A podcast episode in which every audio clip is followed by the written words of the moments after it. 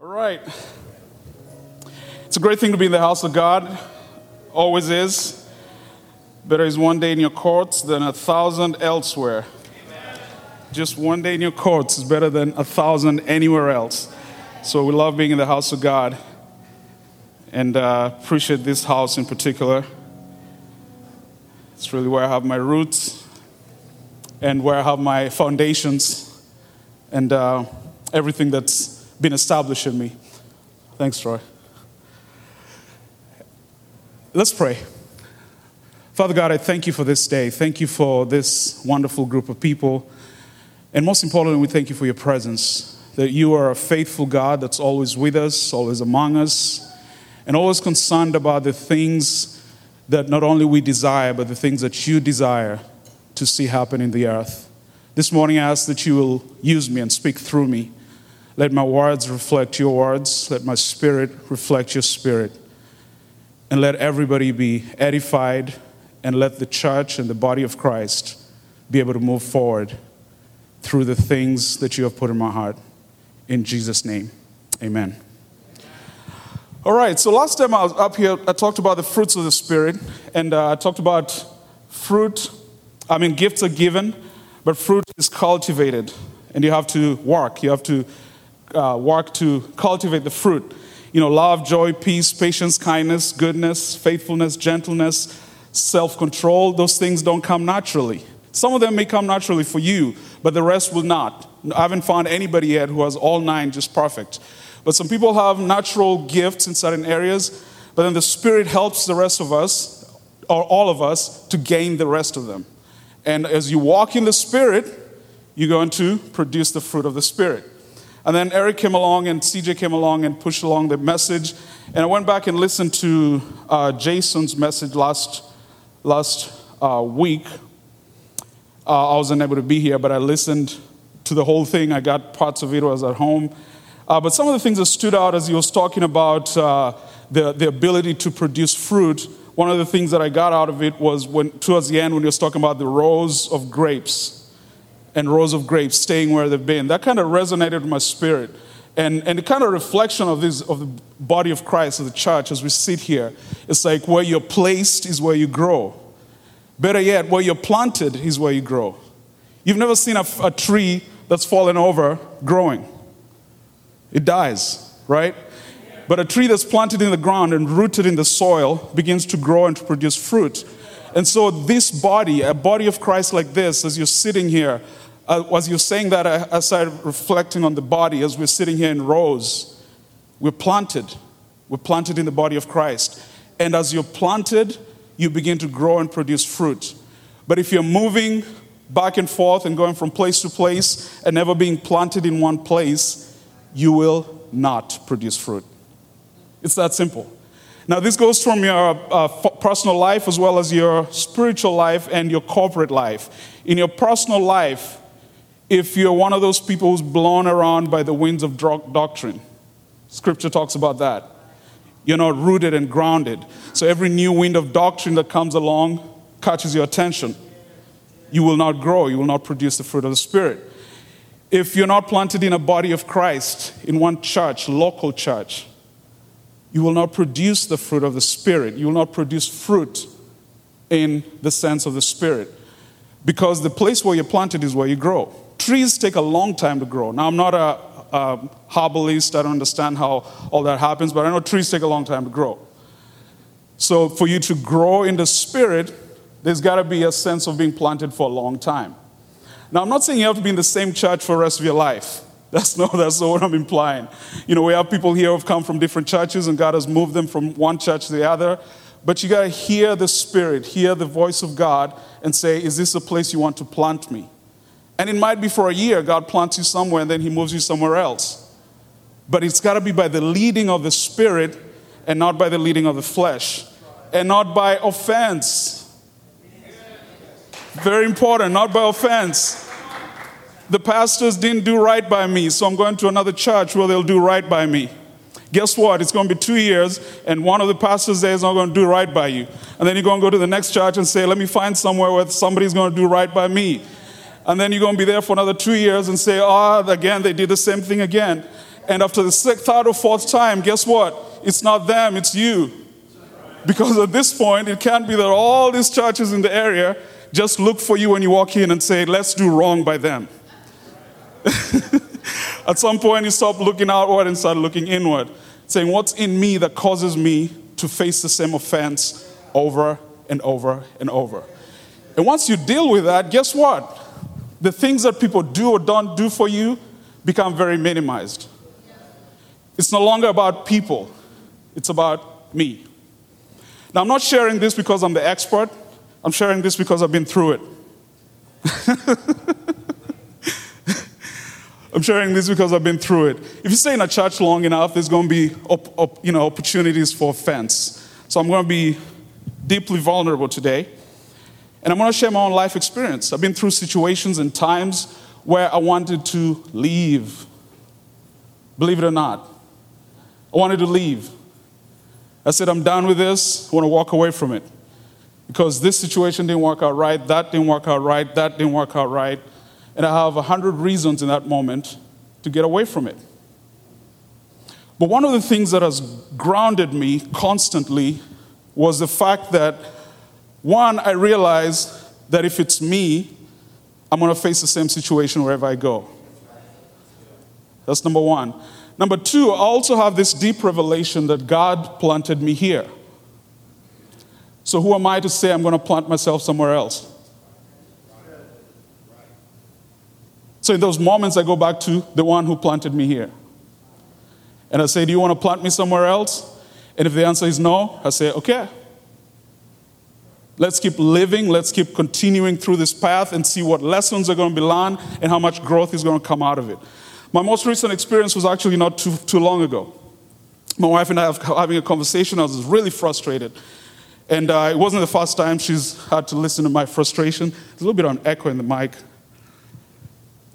Chris. It wasn't the first time she had to listen to my frustration, but this time I was really frustrated. I'd been on the road traveling for a couple years, and I was just a little frustrated with, with life and just stuff and just, eh. And it wasn't a godly spirit. And I started telling her, well, I just want to go do somewhere and do something else. I'm just done with this. It's a demonic spirit in that moment.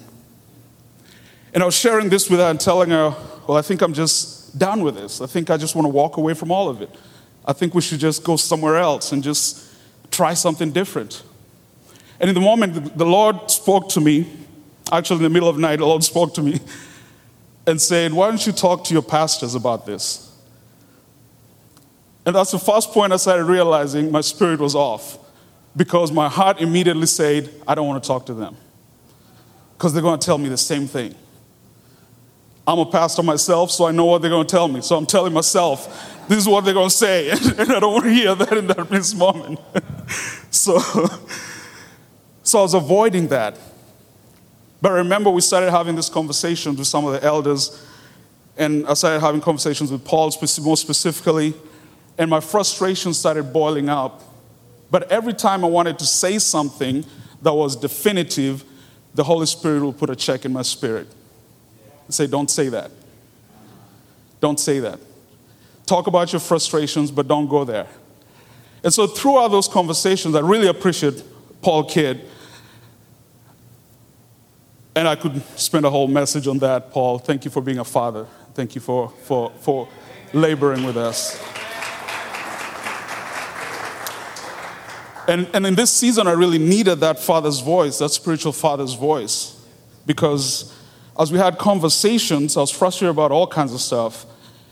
And we came back to the realization that what grounded us here, what formed us, what shaped us, what placed us here. And my spirit started to shift. And I started to realize there's so much more to this than just me making a simple decision that seems simple in the moment, but then in eternity, it might have larger ramifications.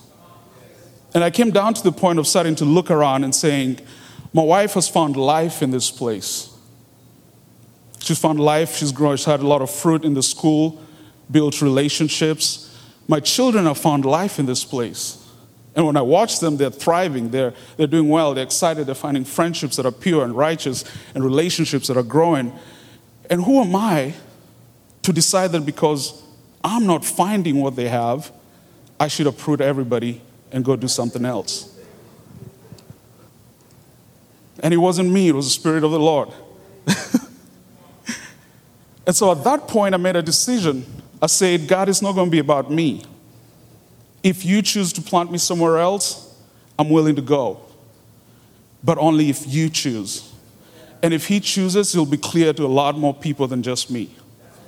And it will not be out of frustration, will not be out of anger, will not be out of offense it will not be out of any other situation other than the choosing of God. And then I came back down to the reality of the fact that I've had fruitful days here. I've had great life here. I've had great friendships formed here. You know, Eric talked last time about us knowing each other for over 20 years. Since we're in college, now we're raising kids together and marriages and, and all these different situations we're in. And a lot of people here I've known since we were kids, young, young people that, that grew up in the church and now they're grown, and some of them are starting their own families. And I realize through it all, God has been working something in me. But He hasn't just been working in me, He's been working in me so that I can produce fruit that others can eat out of. So, am I willing to die a deeper death so that others can live a more fruitful life in the Spirit? And that's the question I came down to for about three or four months ago. How deeply are you willing to die? Scripture says, unless the seed goes in the ground and dies, it cannot grow and produce fruit. But sometimes we get to points in our spiritual life where we begin to say, I've died enough. Now I want to live. And God says, No, that's the time to die again. And some people don't like this message of death because it sounds negative and sounds bad, but that's where life comes from. A seed goes in the ground and dies, and then it produces fruit. But outside of that, it remains just a small seed. And it has nothing else, it can't feed anybody. But when it goes in the ground and dies, produces a large tree that produces a lot of fruit that many people can eat out of. Last time when I was up here, I talked about mango trees. Mango trees, you take out the seed, it's about this big sometimes. You plant that one seed in the tree, in the, in the ground, but it's going to produce mangoes for years and years to come for people to eat out of. But if that one seed refuses to die, it will just remain a dead seed that we put in the trash and discarded and forgotten. So our death produces life that others can live out of. Jason last time talked about the, the grapes, rows of grapes being planted and he also talked about, I like this statement that he said, the law is easy, but faith is hard. And sometimes we see it the other way around. You know, the law is hard, or faith is easy. It should be that way, but it's easier to lean back on the law because there's a set of rules, set of guidelines. But what the law produces is our own righteousness that causes us to feel better than others. What faith produces is the righteousness of God that causes us to measure up only to Him. And when you look at Jesus and where you are, you realize I'll never really fully measure up. So I can only connect myself to Him through faith. So that's really where I want to hone into today. We're talking about the fruit of the Spirit, but we want to talk about Jesus Christ as the vine. The vine. John 15 is where I'm going to be centering a lot of what I say today. Jason also said uh, the Spirit cultivates our hearts so we don't need the law and begin to cultivate the fruit. So we're going to use the analogy of a tree. talked about a seed dying. Think of yourself as a seed. You go into the ground and die, and the tree begins to grow, and you begin to produce fruit. Now let's think of Jesus Christ as that tree. He's the vine, and we are the branches. So we're going to do a little bit of reading because reading is good. Reading the Bible, especially, is good. It, it helps a lot, it produces a lot of fruit by itself. But let's uh, read John 15 a little bit, if you could put it up. Um, a lot of meat in this, so I may not do it full justice today, but you can go back and read it. But John 15 starts with a script uh, that Jesus is saying, this is all red letters, so it's Jesus saying, I'm the true vine and my father is the gardener. I'm the true vine, my father is the gardener. So get that point. He's the vine, God is the gardener. God is the one that, that uh, makes, makes sure that the vine is pruned and everything is going on right. He cuts off every branch in me that bears no fruit, while every branch that does bear fruit, he prunes. That's a backwards mentality when it comes to human nature. Every branch that doesn't bear fruit is chopped off. Every branch that bears fruit is pruned. Pruning means, you know, they cut off the edges so it can bear more fruit. But pruning doesn't always feel good. I've been through seasons of pruning. You raise things up, you build things in your life, and then God comes and says, Okay, I want to prune away some of these areas. Why? Because when you're carrying too much weight, then you may stop producing fruit. So the things that are pruned off cause you to lighten up so you can go produce more fruit. And the reality of pruning is that it's going to happen in your personal life. It's also going to happen in corporate life. And if you become a leader and you do certain things with groups of people, it is inevitable. It's going to happen because for you to grow to the next level, some things have to be cut away. So he prunes the branches that bear fruit so that you'll be even more fruitful. You're already clean because of the word I've spoken to you. Remain in me as I also remain in you. This is the key. No branch can bear fruit by itself. It must be, it must remain in the vine. Neither can you bear fruit unless you remain in me. So we'll talk later about what it means to remain in him, because uh, we're probably all sitting here and saying, well, I'm in Christ. But what does it mean? How does it play out on a day to day basis? Verse 5 I am the vine, you are the branches. If you remain in me and I in you, you will bear much fruit. Apart from me, you can do nothing. If you do not remain in me, you are like a branch that is thrown away and withers. Such branches are picked up, thrown into the fire, and burned. If you remain in me and my words remain in you, ask whatever you wish, and it will be done for you. This is to my Father's glory that you bear much fruit, showing yourselves to be my disciples. Then he goes on to talk about his Father's loved me and so on and so forth. So we're going to focus on abiding in him. What does it mean? What does it mean to abide in Christ? How does it mean, what does it mean to be connected to Christ and to stay connected to Christ? As branches, on a tree. A branch cannot bear fruit on its own. So a branch has to be connected to the tree in order for the leaves and whatever happens over there to produce fruit. And we're being told that Christ is the vine. In our culture and in society in general, we're constantly being pushed to abide in other things. Abide in your job, abide in your career, and even good things, abide in your family. Nothing wrong with that, right? But unless you're abiding in Christ first, none of those other things will work. Unless you're connected to the vine and the branches, none of those other things are fruitful because that's the source of life. That's the original place where life is produced in the spirit. Yesterday, we had a, a graduation for one of my nephews, and uh, one of the things I told him, we, uh, and my family, we like to give advice. So if you know me, there are about 10 others like me and we like to give advice. So, so, we, so we talk, and, and when these young people are graduating and making transitions in life, we all gather together. We eat African food, we dance, we tell jokes, and then we give advice. And it can go an hour sometimes, sometimes 30 minutes, but it's advice. But one of the things I told him, I said, basically, there are two things that you have to maintain. You have to maintain your love for God first, and then you have to maintain your love for family. And if you stay grounded in those two things, everything else will work out in your life. But first, your foundation in Christ. If that's off, then all these other things will start drifting off. So, anytime you're feeling like life is not working out, guess what? Abide in Christ. Are you abiding in Him? Is He the focus of your life? Is He the central point of your life? And is He the person that directs your steps? So, like the story I just shared, I was think, feeling like my life wasn't working out as far as church. Career wise, I was growing, things were happening out there. but I just felt like the church life is not happening. It's not working out the way I want it to work out. But instead of going through that and saying, I'm going to start to make decisions from that place, I went back to the vine. Went back to the vine. What does Jesus think about this? And what Jesus thinks about it is not always nice to hear. In fact, when it's like Scott usually says, uh, submission begins at the point of disagreement.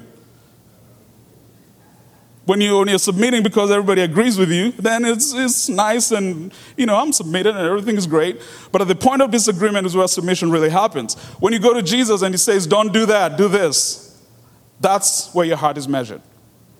Are you truly submitted to Christ? And then you come back and say, I was thinking this way, and now I'm thinking this way. So we've had all these messages and these foundations laid, and that's what we call repentance. I was thinking this way and going in this direction. Jesus put a roadblock here and said, if you keep going this way, it's not going to go well. Turn around and go the other way. But a lot of times we try to get around the roadblock and say, can I figure out a way around it? Surely Jesus doesn't understand. Surely God made a mistake here. But we don't say that. We don't say Jesus, we say the pastors. My pastors don't fully understand. They don't really know my situation. I work with a lot of young people. I'm not going to tell on you specifically, but I'm going to tell on you in general. Um, but uh, we face this thing a lot. And so you have young people who will go from pastor to pastor trying to get the right answer. and sometimes it's amazing because they'll go from one pastor to the next, to the next, to the next, and come back and they say, I talked to three different people and they all say the same thing. I was like, well, duh. What Jesus was telling you that in the first place. If you had listened to him, you'd have just gone to report to the pastors. Hey, pastor, this is what I was trying to do, and Jesus told me this, and this is what I'm going to do now. When I get those calls, I get excited. I say, praise God. So now we can talk about other things for next hour. Instead of spending an hour or two trying to convince you that the decision you're making is against the will of God because you just said it, that God told you not to do it, and now I'm trying to convince you and stand in, in between, getting you away from the vine. I'm trying to keep you in the vine. I'm trying to say, if you just stay in the vine, it's not always going to feel good. Every season is not going to be fruitful. But if you just stay in the vine, the life will be produced in the end. Just abide, just stay connected, just hang on. I remember I was talking to one young person years ago, and they were saying, Well, I just feel like I'm barely connected. And I said, A connection as small as a thread is better than no connection at all. So hang on to that thread. Hang on to that thread. And as you're swung around by life and things are happening, and you're just hanging on, you're saying, I know the truth lies in the vine, and I'm going to hang on for as long as I can. One day you'll notice the connection will start getting greater and greater.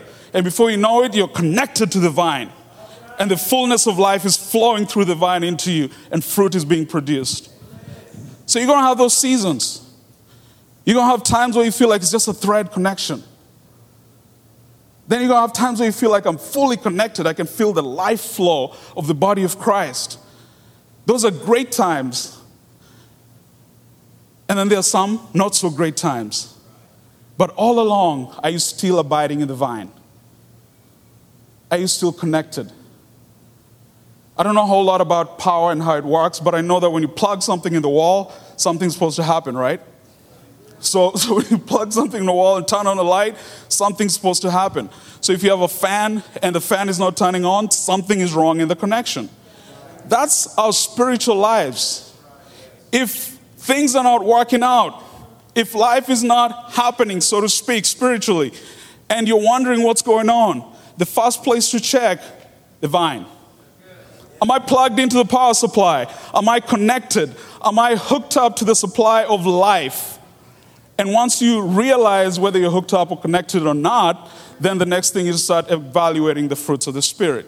So Christ connects us to the Father. And then through that, He gives us a helper called the Holy Spirit. And the Holy Spirit walks with us day by day to produce the fruit of the Spirit.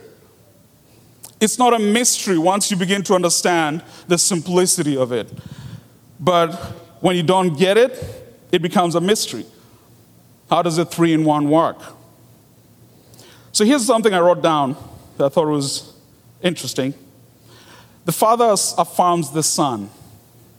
So in Matthew 3, God spoke to Jesus. This is my Son in whom I'm well pleased. But the Son turns around and honors the Father.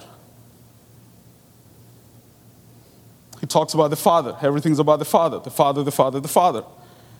The Son amplifies the Spirit. What a beautiful relationship. The Father comes and says, This is my Son in whom I'm well pleased. The Son turns around and says, God the Father is everything and He is the source of everything, the source of life. And then He begins to turn around and say, But the Holy Spirit is going to be your helper. So he's building up the spirit and saying, when I leave physically, don't feel like you've been left alone because you're going to have a helper that can do more than I can do here as one man. You know, I've had theologians say if Jesus had stayed on the earth, only the Middle Eastern region would know him because he could only be in so many places at one time. But he sent us a helper who can be everywhere at all times. And he said, I must go so he can come because if I don't go, he won't come. And the helper came, and thank God that he did, because Jesus now lifted him up. And in this scripture, you begin to hear him say, I'm going to send you a helper. And he elevates him. So that when the helper comes, we'll receive him with joy and will t- partake in the works of the Spirit. The Spirit, this is amazing, leads us back to the Son. Holy Spirit's role in your life is to take us back to Jesus. So when you're not in the vine, guess what voice is speaking to you? The Spirit. He's telling you you're not in the vine, you're not in the vine, you're not in the vine, you're not in the vine, you're not in the vine. And if your conscience is bothering you about things and decisions that you're making, that's the Holy Spirit tagging you and saying, You're not in the vine, you're not in the vine, you're not in the vine, you're not in the vine. And it becomes annoying. It's like those cartoon characters, the devil and the angel on one side. Devil is telling you, Don't worry about that, don't listen to them. Spirit is saying, You're not in the vine, you're not in the vine, you're not in the vine, you're not in the vine and you get tired of listening to him. And finally you say, okay, let's go to the vine. Spirit's like, yes. Leads you back to Jesus Christ. You're connected to the power supply. The lights come back on, and you wake up and you're like, whoa, what was I about to do? Thank God for Holy Spirit leading me back to the Son, and the Son leading me back to the Father. And now I'm fully connected and I can produce fruit as a son of God. That's the importance of the vine.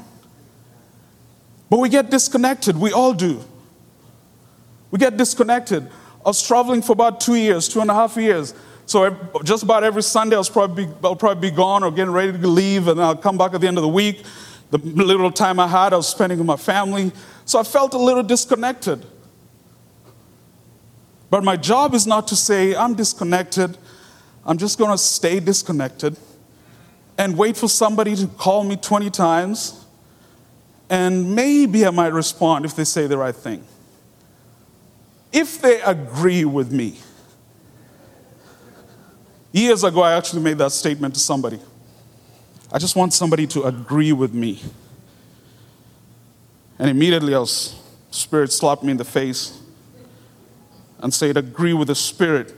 Don't look for the Spirit to agree with you. So we need those slaps every once in a while, you know, from the Spirit, not from people. but we need a slap from the Spirit. So when you're disconnected, the first thing to look for is the vine. How do I get back connected to Jesus? Don't worry too much about us. Don't worry too much about people because then you're connecting in the earthly realm and you're forgetting that the best, most important connection is to you, to Christ. When you're connected to Christ, and that's right, relationships with people will not be hard. But when you're not connected to Him, you can try as much as you want. You can have all kinds of events and do everything you want to do. You can take us all out to lunch and we'll come and eat. But if you're not connected to Him, you'll still walk away feeling like they just ate my food and didn't call me the next day. Because what you're looking for, we don't have. None of us are Jesus for you. We're looking for Him just like you are. And as everybody's looking for Christ, when we're connected, our fellowship is enriched. When you get around people who are connected to the vine, you can feel it. You can feel the enrichment of the Spirit. you feel the sense that there's something coming from heaven that's coming into my spirit from this person. And when you get around people who are not connected, then it's like, hmm, maybe I can help them. Maybe I can listen to the voice of the Spirit and drag them back to the vine. They can get plugged in, and then our fellowship will become more fruitful. So, those are the things that define our Christianity. It's not necessarily our works and our acts and our actions, it's our connection to Him. And when people are not connected to Him, it doesn't matter how many good pastors you have, you will never change. It doesn't matter. You could have the greatest pastor. I like that passage that people uh, share around all the time. Judas had the best pastor in the world. that should speak to us. It's not about the quality of your pastor. Your pastor, for, for, for, all, for all it takes, could be somebody that knows nothing about you.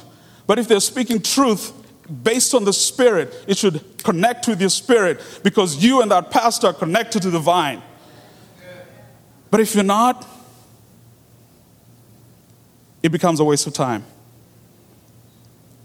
and becomes religion because we're going to repeat the same thing over and over and over and not produce the right results. So, connection to the vine. So, the Son honors the Father, the Son amplifies the Spirit, the Spirit leads us back to the Son, and the Son brings us to the Father. Because at the end of the day, we have to have a connection to all three. The Son is not complete without a, connection to the Father. The Spirit knows that their job, the Spirit's his job is to bring us back to the Son. And then the full cycle works over and over and over to get us to stay connected. So, last time, one of the things I shared, and it's been repeated several times, it's about bearing fruit we have to bear fruit. A tree that doesn't bear fruit is worthless to the farmer, and, and it has to be uprooted and uh, gotten rid of, as John 15 says. But at the same time, we have to be long suffering with each other. So our job is not to judge and say this person is not bearing fruit. That's up to the Spirit and Jesus to judge. And long suffering means that some people will take longer. I think Jason shared this last week. Some people will take longer to bear the same fruit. Some people will take a shorter amount of time. So we're long suffering with one another. That's also a fruit of the Spirit. So, how do we bear fruit?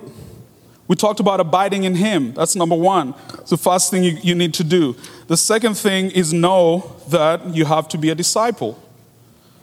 You have to be a disciple. Being a believer is not enough.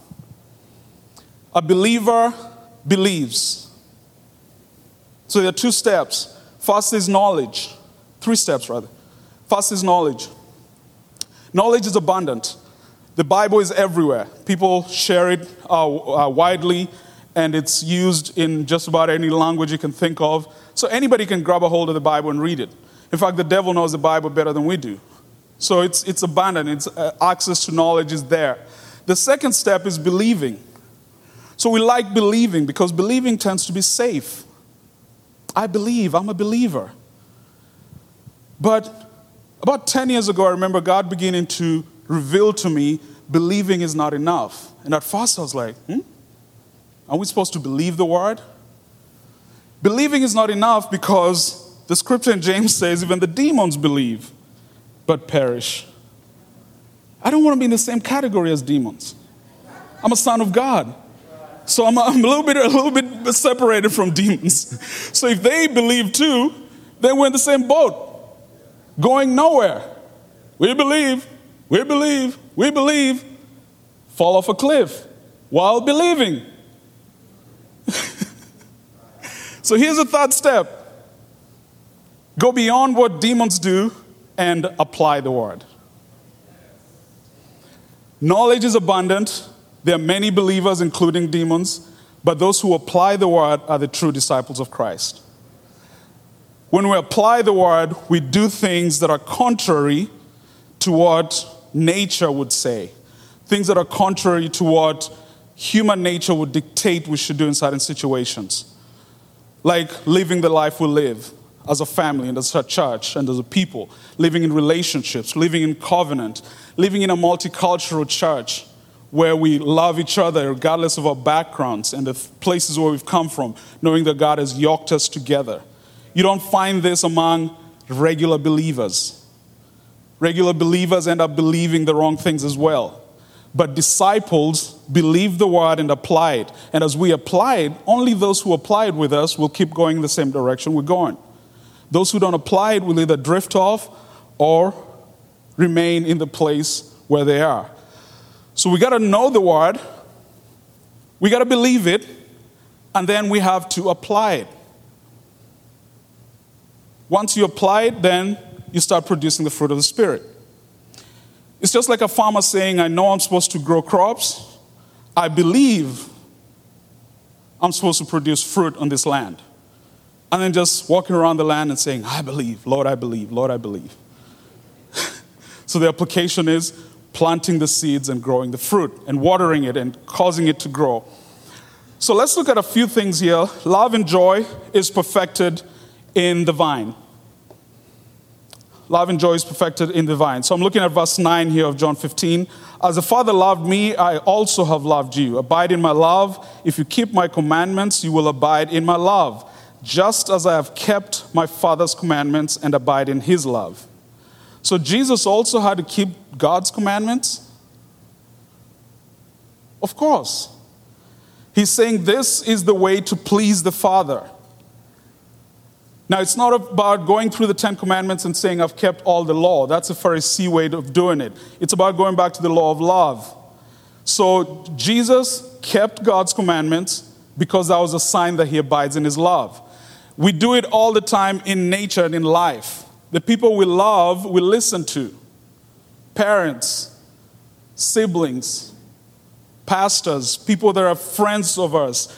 We listen to them and we connect to them because of our love for them.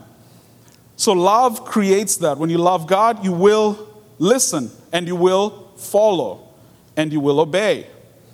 Jesus made it easy for us, He gave us the law of love. The law of love is a powerful thing because Jesus said, instead of worrying about all these 10 commandments and the other 600 and something commandments that were added to it, just worry about this too. Love God with all your heart, mind, soul, and strength, and love your neighbor as yourself. And he realized that we love ourselves. That's natural. You know, in fact, scripture says if you don't love yourself, I mean, if you, uh, if you don't, talks about marriage, but if you don't love your wife, don't love yourself. So, so it, it's, a, it's a sign that naturally we will love ourselves. But loving ourselves is supposed to be a reflection of how we're supposed to love each other. You know, how do I treat my neighbor and the people next to me? Then verse 11 says, These things I've spoken to you that my joy may remain in you. So last time, one of the things I said is that joy is internal, it comes from the uh, inside out. Happiness comes from outside. It's based on the things that happen to you, the things that you do, or the things that people say to you. Joy has to come from inside. That's why the Bible says, The joy of the Lord is my strength. It comes from inside of you. And things from the outside are not going to make you joyful. They're going to make you happy, but you can apply them inside and cause joy to flow out of you. So you should be joyful like Christ was as a fruit of the Spirit. He says, These things I've spoken to you that my joy may remain in you and that your joy may be full. And then he says, This is my commandment that you love one another as I have loved you. So the fruits, those two fruits of the Spirit, are produced in those two scriptures. He says, If you love one another and you stay in the vine, you'll begin to produce the fruits of the Spirit. So true spiritual love is sacrificial in nature, it's not a feeling. It's not how I feel today. And I don't wake up in the morning and say, Today I, feel like I love to wander. It's to be a great day. Feel like it. It just feels good. It's sacrificial. It doesn't matter how I feel. It's about the deep connection to Christ and understanding that it's not about a feeling. It's about a daily sacrifice, laying down my life, allowing the seed to die so that I can produce the life of the Spirit. It's sacrificial, so we want to get away from the feelings, get away from the external stuff, and get into producing the fruit. So Jesus it in verse 13 greater love has no one than this, than to lay down one's life for his friends. laying down our lives for one another. If you're not married, laying down your life for your siblings, your friends. In marriage, of course, it is something that we apply daily because we're laying down our lives for each other on a regular basis. So these things reinforce His love, our commitment, and our mission. So I'm going to end with this. This is what the cost of abiding in Him is going to be. Verse 18 says, If the world hates you, you know that it hated me before it hated you. If you are of the world, the world would love its own. Yet because you're not of the world, but I chose you out of the world, therefore the world hates you. It's that simple. So don't be alarmed when you're persecuted. They persecuted him first, and they will persecute you. When you abide in him, the fruit of your life will be loved by many and equally hated by many. So if you're wondering, I love people and I care for people, why do some of them hate me? It is in the scripture. It's the love of Christ. Some people love it, some people hate it, and some people will hate you for it. And you'll wonder why, but because you're abiding in Him, you're producing fruit that's against what the world dictates. And the devil doesn't like that. So the demonic spirits are going to be pushing against you left, right, and center. So remember the word that I said to you, verse 20 A servant is not greater than his master. If they persecuted me, they will also persecute you. If they kept my word, they will keep yours also. But all these things they will do to you for my name's sake, because they do not know him who sent me. So, how do we abide? It takes time. It takes time. All this scripture sounds great. And we could preach it left, right, and center. And we could talk about it day and night. But unless we apply the time it takes to abide, it won't happen. So remember, knowledge is plenty. Believers are many, including the demons. But those who apply the word are the ones who become disciples of him. And those are the ones who get to inherit the kingdom of heaven. It takes time. Time in the word. I'm talking to new believers, I'm always emphasizing this time in the Word. It's amazing. It's written letters on a page that have spiritual value. It's no surprise that the Bible is the most widely printed book in history because it has spiritual value. It's not just any other book. But those words can change you. Those words can change you. If you're dealing with struggles in your mind, the word can transform your mind. It can wash you because they're not just words on a paper that breathed from the mouth of God. And guess who's called the word? Jesus himself. So it's Jesus speaking to you. You wake up in the morning and you open up Psalms 119, the longest psalm, and read the whole psalm. And guess what's happening to you? You're hiding the word in your heart that you may not sin against him. That's in Psalms. You read it, it changes your mind, it washes you, it cleanses you. But if you're not doing all those things, it's almost pointless for somebody else to come and try to push you into the vine. When you read on your own, you will know that He's the vine and He wants you to connect with Him. And you'll hear the Spirit speaking to you and saying, Yes, connect to the vine. So it takes time in the Word. It takes time in the Word. The second one is it takes time in prayer. Now, I love prayer. So this is like my, my uh, what do you call it? Soaps, whatever, whatever that. but, but it's, it's soap box, yeah. But prayer works. I don't know about you, but I like simple things that work. I read my word, I pray, and then I connect to other people who are connected to the vine. And life is simple. We used to sing a song when we were kids. It used to go like this Read your Bible, pray every day, pray every day, pray every day. Read your Bible, pray every day if you want to grow.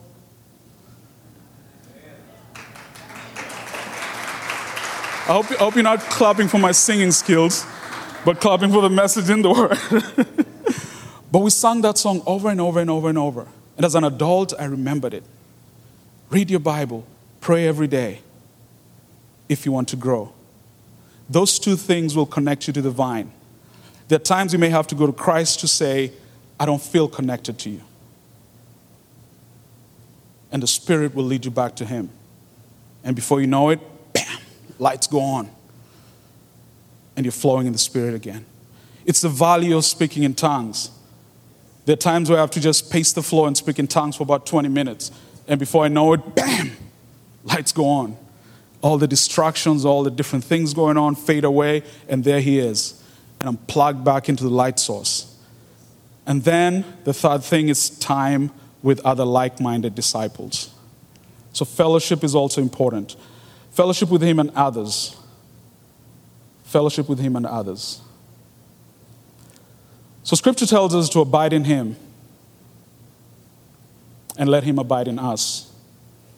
For we cannot do anything outside of him. But scripture also tells us, I think CJ shared this scripture in Romans 8, one of my favorites, that nothing can separate us from him and from his love. So we separate ourselves because there's nothing. No type of trouble you go through can separate you from his love. No type of sickness, no type of abuse, no type of offense, nothing. But you can separate yourself. So I'm to, going to ask uh, guys to help if you have an altar here. But what I want to end with here is the importance of abiding and the importance of your individual life as a disciple and how it contributes to the corporate life of the church. When you're connected to the vine, your life with others is more fruitful. When you're connected to the vine, your own life individually becomes more fruitful. When you're connected to the vine and all of us have lights shining as we come in together, the light is brighter and therefore we can feed more people and take care of more people. The fruit that's produced out of our lives becomes fruit for other people to eat out of. My personal nature is being a builder. I like to build and, and establish things. And so, but I also like to measure and see is there fruit coming out of it? And the first thing I go to, if things are not happening, let's go back to the vine. Let's have what we call a come to Jesus meeting. So abide in him and let him abide in you. For branch cannot bear fruit except it's abiding in the vine. Let Holy Spirit lead you back to Jesus, and Jesus connect you to the power supply, who is God the Father. Thank you.